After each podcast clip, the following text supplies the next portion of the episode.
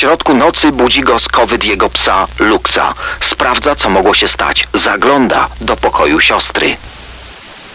Strzały do profesorów. Wybuch granatu ręcznego.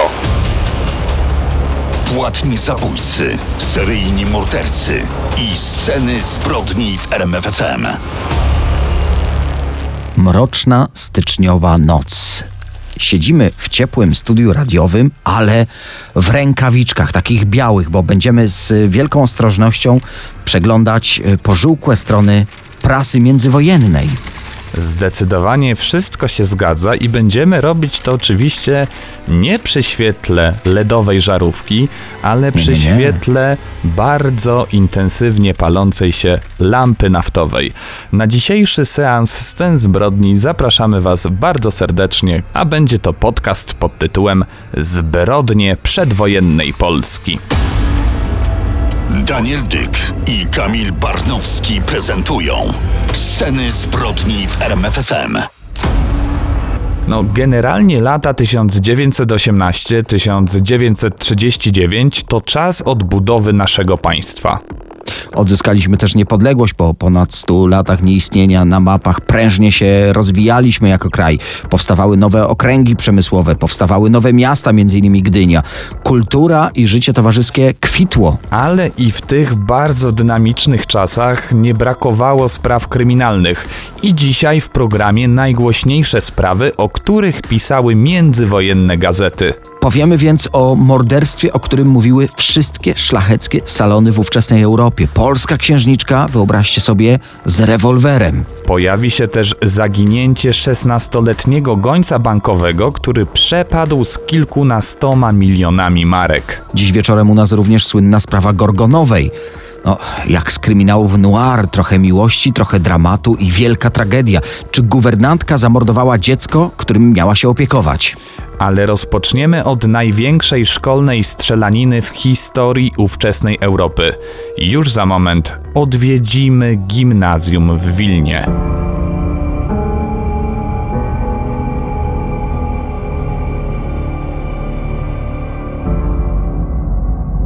Krwawy egzamin maturalny w gimnazjum wileńskim, strzały do profesorów, wybuch granatu ręcznego.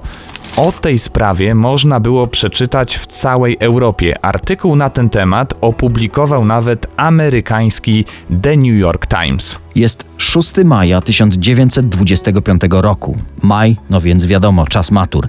O 11.15 w wileńskim gimnazjum Lelewela odbywa się pisemny egzamin z matematyki. Stanisław Ławrynowicz co chwilę próbuje się skonsultować ze swoim kolegą Januszem Obrąpalskim. Gdy miarka się przebrała, dyrektor szkoły zabrał arkusz egzaminacyjny uczniowi. Stanisław wyciągnął wtedy pistolet i kilkukrotnie strzelił w kierunku komisji. Następnie z marynarki wyciągnął granat, który eksplodował w jego ręce. Stanisław zginął na miejscu. Wtedy po rewolwer sięga również wspomniany przyjaciel Stanisława, czyli Janusz Obrąpalski. Po kilku niecelnych strzałach wybiegł z klasy. Na korytarzu chciał odpalić granat szturmowy, ale zacięła się zawleczka. Ostatecznie, nie widząc szans na ucieczkę, popełnia samobójstwo. Strzela z pistoletu w głowę. W wyniku tej masakry zginęło pięć osób.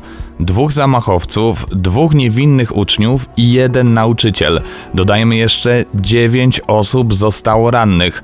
Była to największa szkolna strzelanina w historii ówczesnej Europy. Śledztwo wykazało, że zamach był starannie zaplanowany. W szkole znaleziono ukryte granaty szturmowe i dwukilogramową bombę. Znaleziono też list pożegnalny Janusza Obrąpalskiego, w którym prosił o zaopiekowanie się jego narzeczoną. I tutaj nasuwa się pytanie, kim byli owi zamachowcy? Wywodzili się z dość bogatych rodzin. Stanisław Ławrynowicz jako ochotnik walczył podczas wojny polsko-bolszewickiej. Natomiast rodzina Janusza Obrąpalskiego straciła wtedy praktycznie cały majątek. Chłopakom w szkole nie szło za dobrze, mimo tego, że byli zdolni, powtarzali klasę. I to najprawdopodobniej dlatego, że wojna przerwała ich edukację i potem trudno było im wrócić do normalności. Zamiast szkoły woleli szybkie przejażdżki po ulicach Wilna, potańcówki, oczywiście zakrapiane alkoholem. Byli notowani przez policję. Dodajmy, że napastnicy należeli do drużyny strzeleckiej, dlatego mieli dostęp do pistoletów i materiałów wybuchowych. Zresztą po wojnie polsko-bolszewickiej dostęp do broni w Polsce był bardzo łatwy, właściwie wszędzie było jej pełno. I tutaj pojawia się pytanie, dlaczego trochę starsi, ale jednak nadal uczniowie zdecydowali się na coś tak niewyobrażalnego. Wielu ekspertów wskazuje winę wojny. Lata brutalnej zawieruchy, walka z wrogiem, strach przed tym, co przyniesie jutro, to wszystko zabierało ludziom młodość i zmieniało ich na zawsze. Oni byli już przyzwyczajeni do bezlitosnego życia, którego doświadczyli na froncie, a gdy wracali do szkoły, w której nie szło im za dobrze, no wtedy życiowa frustracja tylko w nich narastała. E, Trafiłem też na e, informację, że Stanisław Ławrynowicz mógł cierpieć na zaburzenia nerwowe. E, Prawdopodobnie był neurastenikiem, czyli niepokój, drażliwość, zwiększona nerwowość. To też musiało mieć jakiś wpływ. W prasie brukowej pojawiły się potem również sensacyjne informacje, że zamach był manifestem politycznym, sprzeciwem wobec ówczesnego kształtu matury, a nawet mógł być zemstą na dyrektorze tego gimnazjum. Co tak naprawdę motywowało napastników, tego nie dowiemy się już nigdy.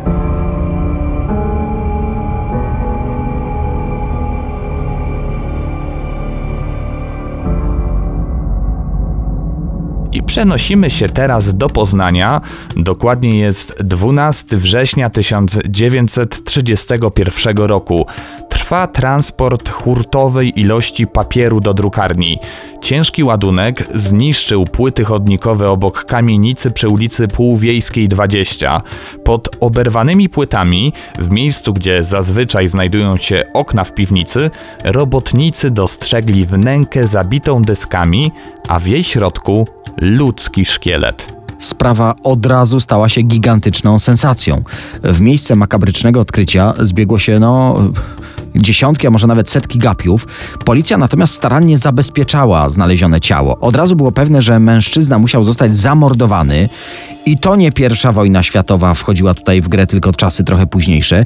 Szkielet znajdował się też w nietypowej pozycji, stojącej. W tej wnęce był po prostu podparty deskami. Późniejsza sekcja zwłok wykazała zmiażdżenie czaszki w trzech miejscach. Mężczyzna zginął najprawdopodobniej od uderzenia tępym narzędziem w głowę. Znaleziono też przy nim szczątki ubrań, portfel i co najważniejsze dla późniejszego śledztwa wezwanie sądowe. Imię i nazwisko na tym dokumencie było zamazane, ale zidentyfikowano sygnaturę sprawy, w której, jak wynika z wezwania, zamordowany miał zeznawać. Dzięki temu można było stwierdzić, że odnalezione szczątki należą do Józefa Jankowiaka. Rodzice Józefa potwierdzili, że ostatni raz widzieli swojego syna 8 lat wcześniej, dokładnie 9 lipca 1923 roku. Ruszyło drobiazgowe śledztwo. Józef we wspomnianym 1923 roku ma dokładnie 16 lat. Mimo tak młodego wieku pracuje już od jakiegoś czasu jako goniec w banku. Jego praca jest bardzo odpowiedzialna. Transportuje spore kwoty pieniędzy na wypłaty do lokalnych przedsiębiorstw. W dniu zaginięcia przewoził 12 milionów marek, których nigdy nie dostarczył pod wskazany adres. Wszyscy więc byli przekonani, że młody chłopak ukradł pieniądze i zaczął nowe życie gdzieś za granicą. W tę wersję zdarzeń od początku nie wierzyła mama Józefa, czyli Maria Jankowiak. Nie przekonał jej nawet list, który e, wysłał jej syn dwa miesiące później. Napisał w nim, że wyjechał za granicę i żeby go nie szukać. Kobieta była przekonana, że Józefowi coś musiało się stać. No nawet ten charakter pisma na liście nie do końca pasował do jej syna. Ewidentnie coś tutaj nie grało. Ale po tej wiadomości policja zamknęła sprawę zaginięcia. Osiem lat później, po znalezieniu szkieletu Józefa, matka chłopca powiedziała śledczym, że z tą sprawą musi mieć coś wspólnego jej zięć, Leon Hałas. W dużym skrócie, Leon to pijak, kombinator bez pracy, który poślubił jej córkę. Policja oczywiście poszła za tym tropem, bo rzeczywiście to właśnie z nim po raz ostatni widziany był zamordowany. Rankiem wychodzili razem z domu Jankowiaków. Tę wersję potwierdził również właściciel lokalnego baru, bo 9 lipca Leon i Józef pili razem wódkę w jego lokalu. Świadek zeznał też, że Józef Jankowiak był bardzo pijany i ledwo stał na nogach. Panowie byli widziani po raz ostatni o godzinie 19, więc zeznania pokrywały się z przeczuciami matki zamordowanego. Warto też dodać, że Leon Hałas zaproponował wcześniej temu właścicielowi baru skok na posiadłość bogatego Żyda z okolicy, jednak on odmówił. Zresztą wieczorem, gdy Józef nie wrócił do domu, Leon Hałas przyszedł w odwiedziny do córki Marii Jankowiak, wtedy jeszcze narzeczonej. Przyszedł w zakrwawionym ubraniu. Zauważyła to oczywiście matka Józefa, ale Leon tłumaczył, że po prostu miał krwotok z nosa. Wszystkie tropy w tej układance prowadzą więc do, do niego, do Leona Hałasa. Okazało się, że podejrzany w tej sprawie od pięciu lat mieszka we Francji, dokładnie w miasteczku pod Lyonem. Tam prowadzi bardzo spokojne życie, jest szanowanym członkiem lokalnej społeczności, ma piątkę dzieci i pracuje w drukarni. Strona francuska zgodziła się na ekstradycję Leona Hałasa do Polski. Proces rozpoczął się 2 kwietnia 1932 roku. Dodajmy, że przez pewien czas na sali sądowej nawet wystawiony był y, no, przerażający rekwizyt, autentyczny szkielet zamordowanego Józefa. Zacytujmy teraz słowa oskarżonego. Wysoki sądzie, proszę o karę śmierci. Zabiłem. Zabiłem szwagra dla jej miłości. Proszę o śmierć. Zabiłem, lecz uczyniłem to dla niej, bo ją tak kochałem i kocham. No, kobiety zgromadzone na sali sądowej były wręcz zauroczone mordercą, który zabił z miłości do ukochanej. E, trafiłem na informację, że y, zdarzały się przypadki omdleń podczas tych wzruszających zeznań. Dodajmy y, także, co nie jest bez znaczenia, przystojnego Leona Hałasa. W rzeczywistości jednak był to bardzo wykalkulowany plan. Pieniądze były mu potrzebne na organizację przyjęcia weselnego. Dodatkowo na świat wkrótce miało przyjść pierwsze dziecko Leona Hałasa i siostry zamordowanego Józefa Heleny Jankowiak. Dlatego gdy dowiedział się, że jego przyszły szwagier miał dostarczyć 9 lipca sporą sumę pieniędzy, postanowił go zabrać na wódkę, gdzie go bardzo mocno upił. Następnie zwabił Józefa do swojej piwnicy. Tam zaproponował mały interesik. Dokładnie mieli ukraść bardzo drogą platynę z bezpieczników w piwnicy kamienicy, w której Leon miał mieszkanie. Wykorzystując nieuwagę, no i to alkoholowe upojenie Józefa, uderzył go trzykrotnie w głowę. Następnie, gdy ciało zasztywniało, wepchnął je do wcześniej upatrzonej wnęki w piwnicy, którą zamaskował przygotowanymi deskami. Kilka tygodni po morderstwie Leon Hałas wysłał wspomniany list do matki Józefa, gdzie podszywał się pod zamordowanego, a potem ożenił się z jego siostrą. Niczego nieświadoma rodzina bawiła się na tym hucznym weselu, które całe zasponsorował bezrobotny pan młody.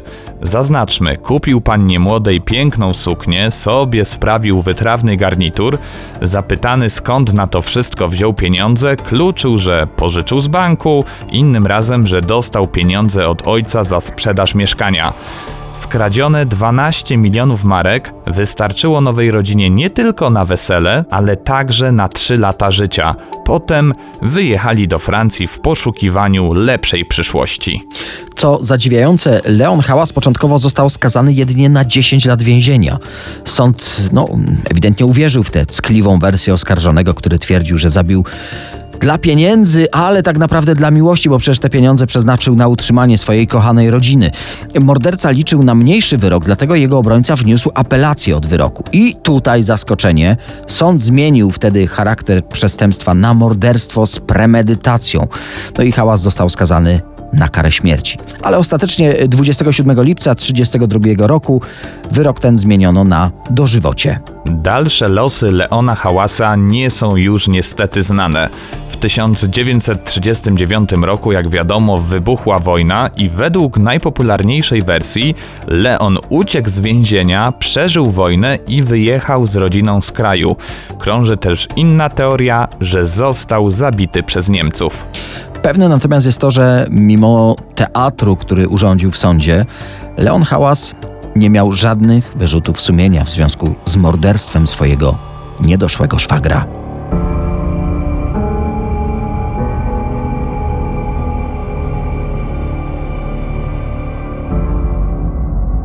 My znowu wracamy do tych mrocznych stron, powiedziałem poszarzałych gazet, ale trzeba przyznać, że one są raczej zdecydowanie pożółkłe.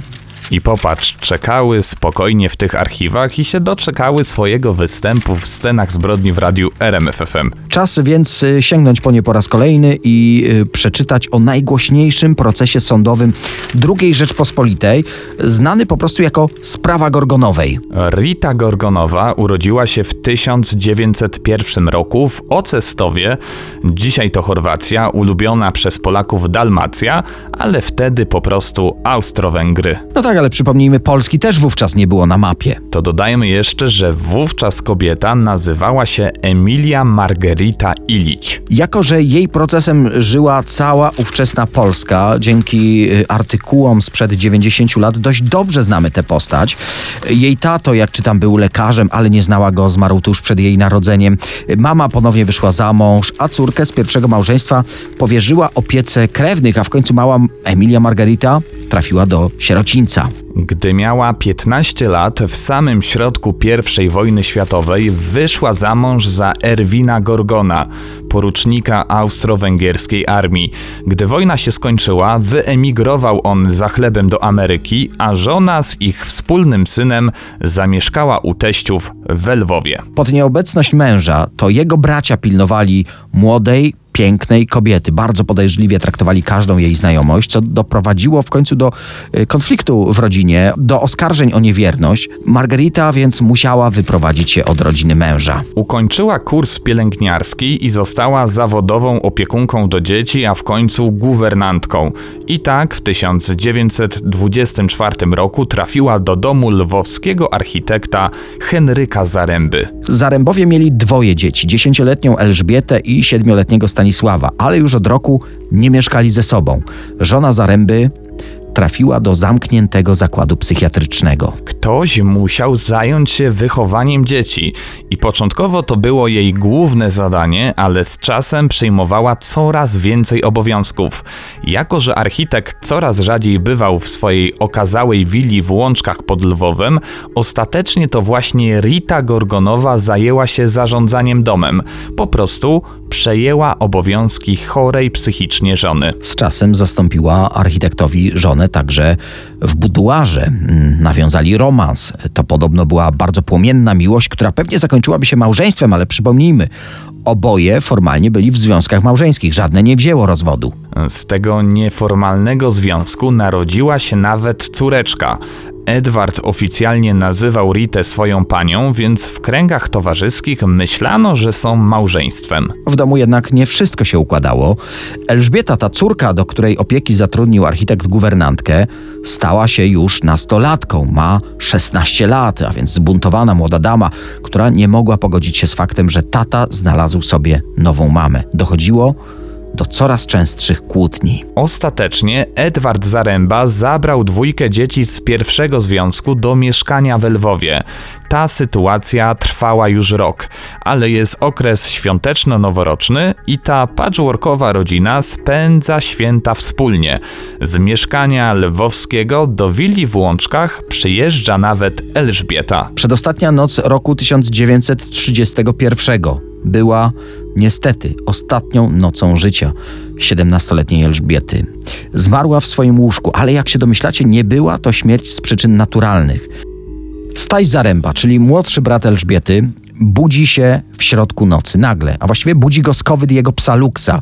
Zaniepokojony sprawdza, co mogło się stać. Zagląda do pokoju siostry. Staś czuje, że stało się coś strasznego, krzyczy na całe gardło. Przybiega inżynier Zaręba w piżamie, a za nim Rita Gorgonowa w futrze nałożonym na koszulę nocną.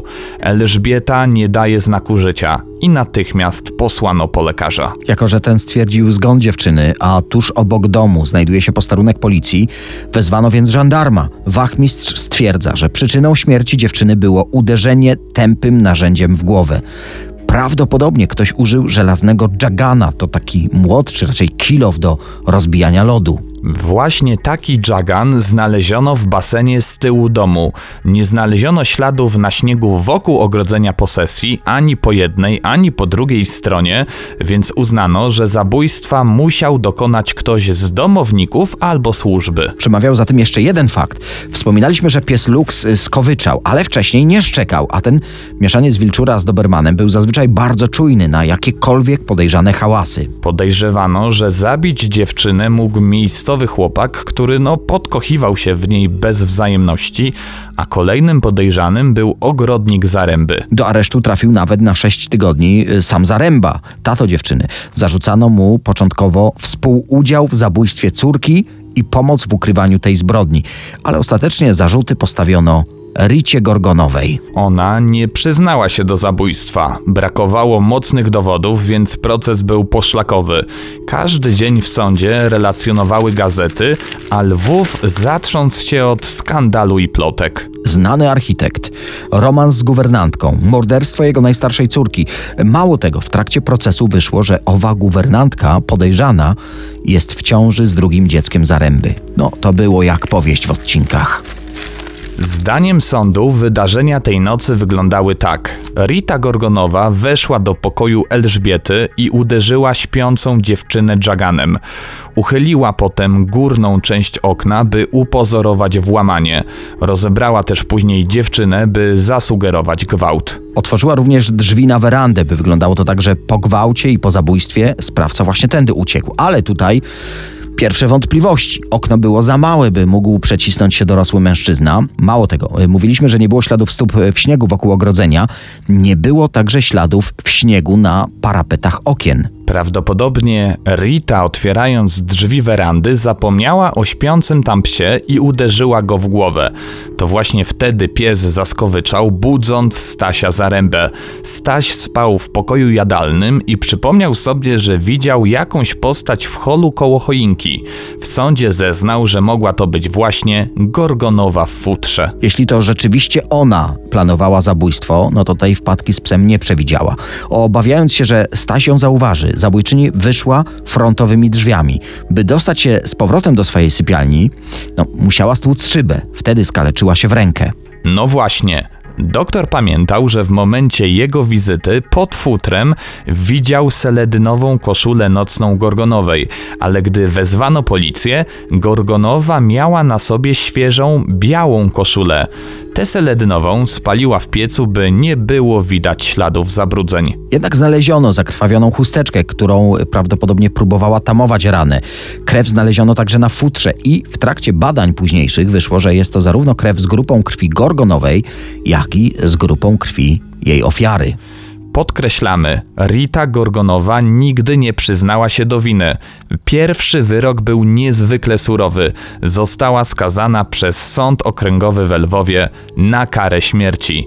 Natomiast kolejna instancja uznała, że zbrodnia została dokonana, tutaj zacytujemy, pod wpływem ogromnego wzruszenia i złagodziła ten wyrok do 8 lat więzienia. Wybuch II wojny światowej spowodował, że ogłoszono amnestię. Gorgonowa opuściła więzienie 3 września 1939 roku. Z relacji jej córek wynika, że przeżyła wojnę i ponownie wyszła za mąż. Wspomnieliśmy też, że w trakcie procesu Gorgonowej kobieta była w ciąży. Dodajmy, że urodziła w więzieniu kolejną córkę, Ewę, zwaną Kropelką. Architekt Zaręba nie uznał jej za swoją, dlatego dziecko trafiło do sierocińca. Dodajmy, że ta mała kropelka urodziła się niemal dokładnie 9 miesięcy po zamordowaniu Elżbiety.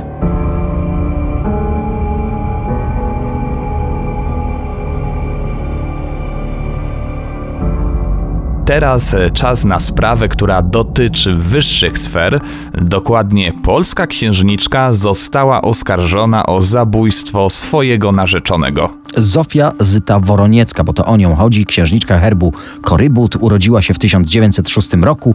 Miała czwórkę rodzeństwa, ale to właśnie ona była ulubienicą matki, która starała się zapewnić jej najlepszą edukację, dlatego jak czytam trafiła do słynnej przyklasztornej szkoły w Zbyltowskiej Górze koło Tarnowa, a stamtąd kolejna szkoła klasztorna w Lisz w Belgii. To klasztorne wychowanie odniosło odwrotny skutek. Wyrosła z niej buntowniczka. W wieku 24 lat na złość rodzinie wyszła za mąż za osobę niższego stanu. Kiedy mąż zrozumiał, że nie ma szans na książęcy posag, czyli po dwóch miesiącach, wtedy małżeństwo się skończyło. I wtedy też księżniczka Woroniecka zapoznała właściciela znanego warszawskiego sklepu. To już nie wchodziło w grę jedynie zagranie na nosie e, swojej rodzinie. Tu prawdopodobnie naprawdę się zakochała. Niestety trafiła na kolejnego łowcę posagów. Mimo, że para się zaręczyła, sklepikarz Jan Brunon Boy połapał się, że mimo szlacheckiego pochodzenia, akurat ta gałąź rodu woronieckich należy do ubogich. Postanowił więc zniechęcić swoją narzeczoną do małżeństwa. No i niestety wybrał najgorszy z możliwych sposobów. Zaczął być wobec y, narzeczonej opryskliwy. Nie krył się y, z tym, że bywał w domach publicznych, a w końcu zaczęto szeptać, że znalazł sobie kolejną narzeczoną, córkę bogatego bankiera z Łodzi. Księżniczka ewidentnie nie umiała się z tym pogodzić. I tak docieramy do 20 listopada 1931 roku.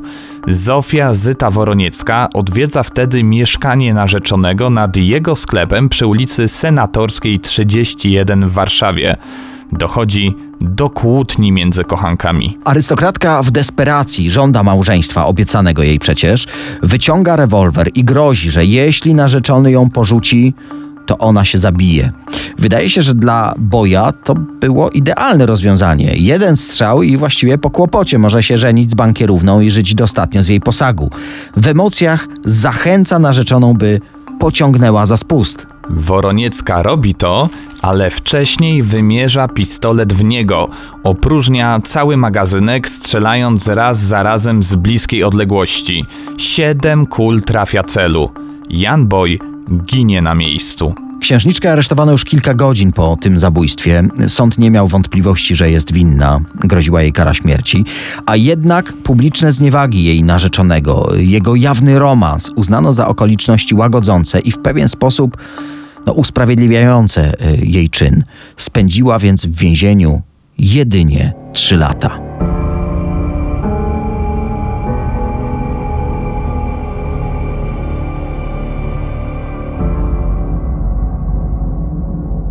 Pięknie szeleściły te gazety, ale ten język y, przedwojennych artykułów prasowych, no zniewalający. Z przyjemnością jeszcze bym wrócił do archiwów i tych pożółkłych stron. A teraz jest z szacunkiem odkładamy i ściągamy rękawiczki.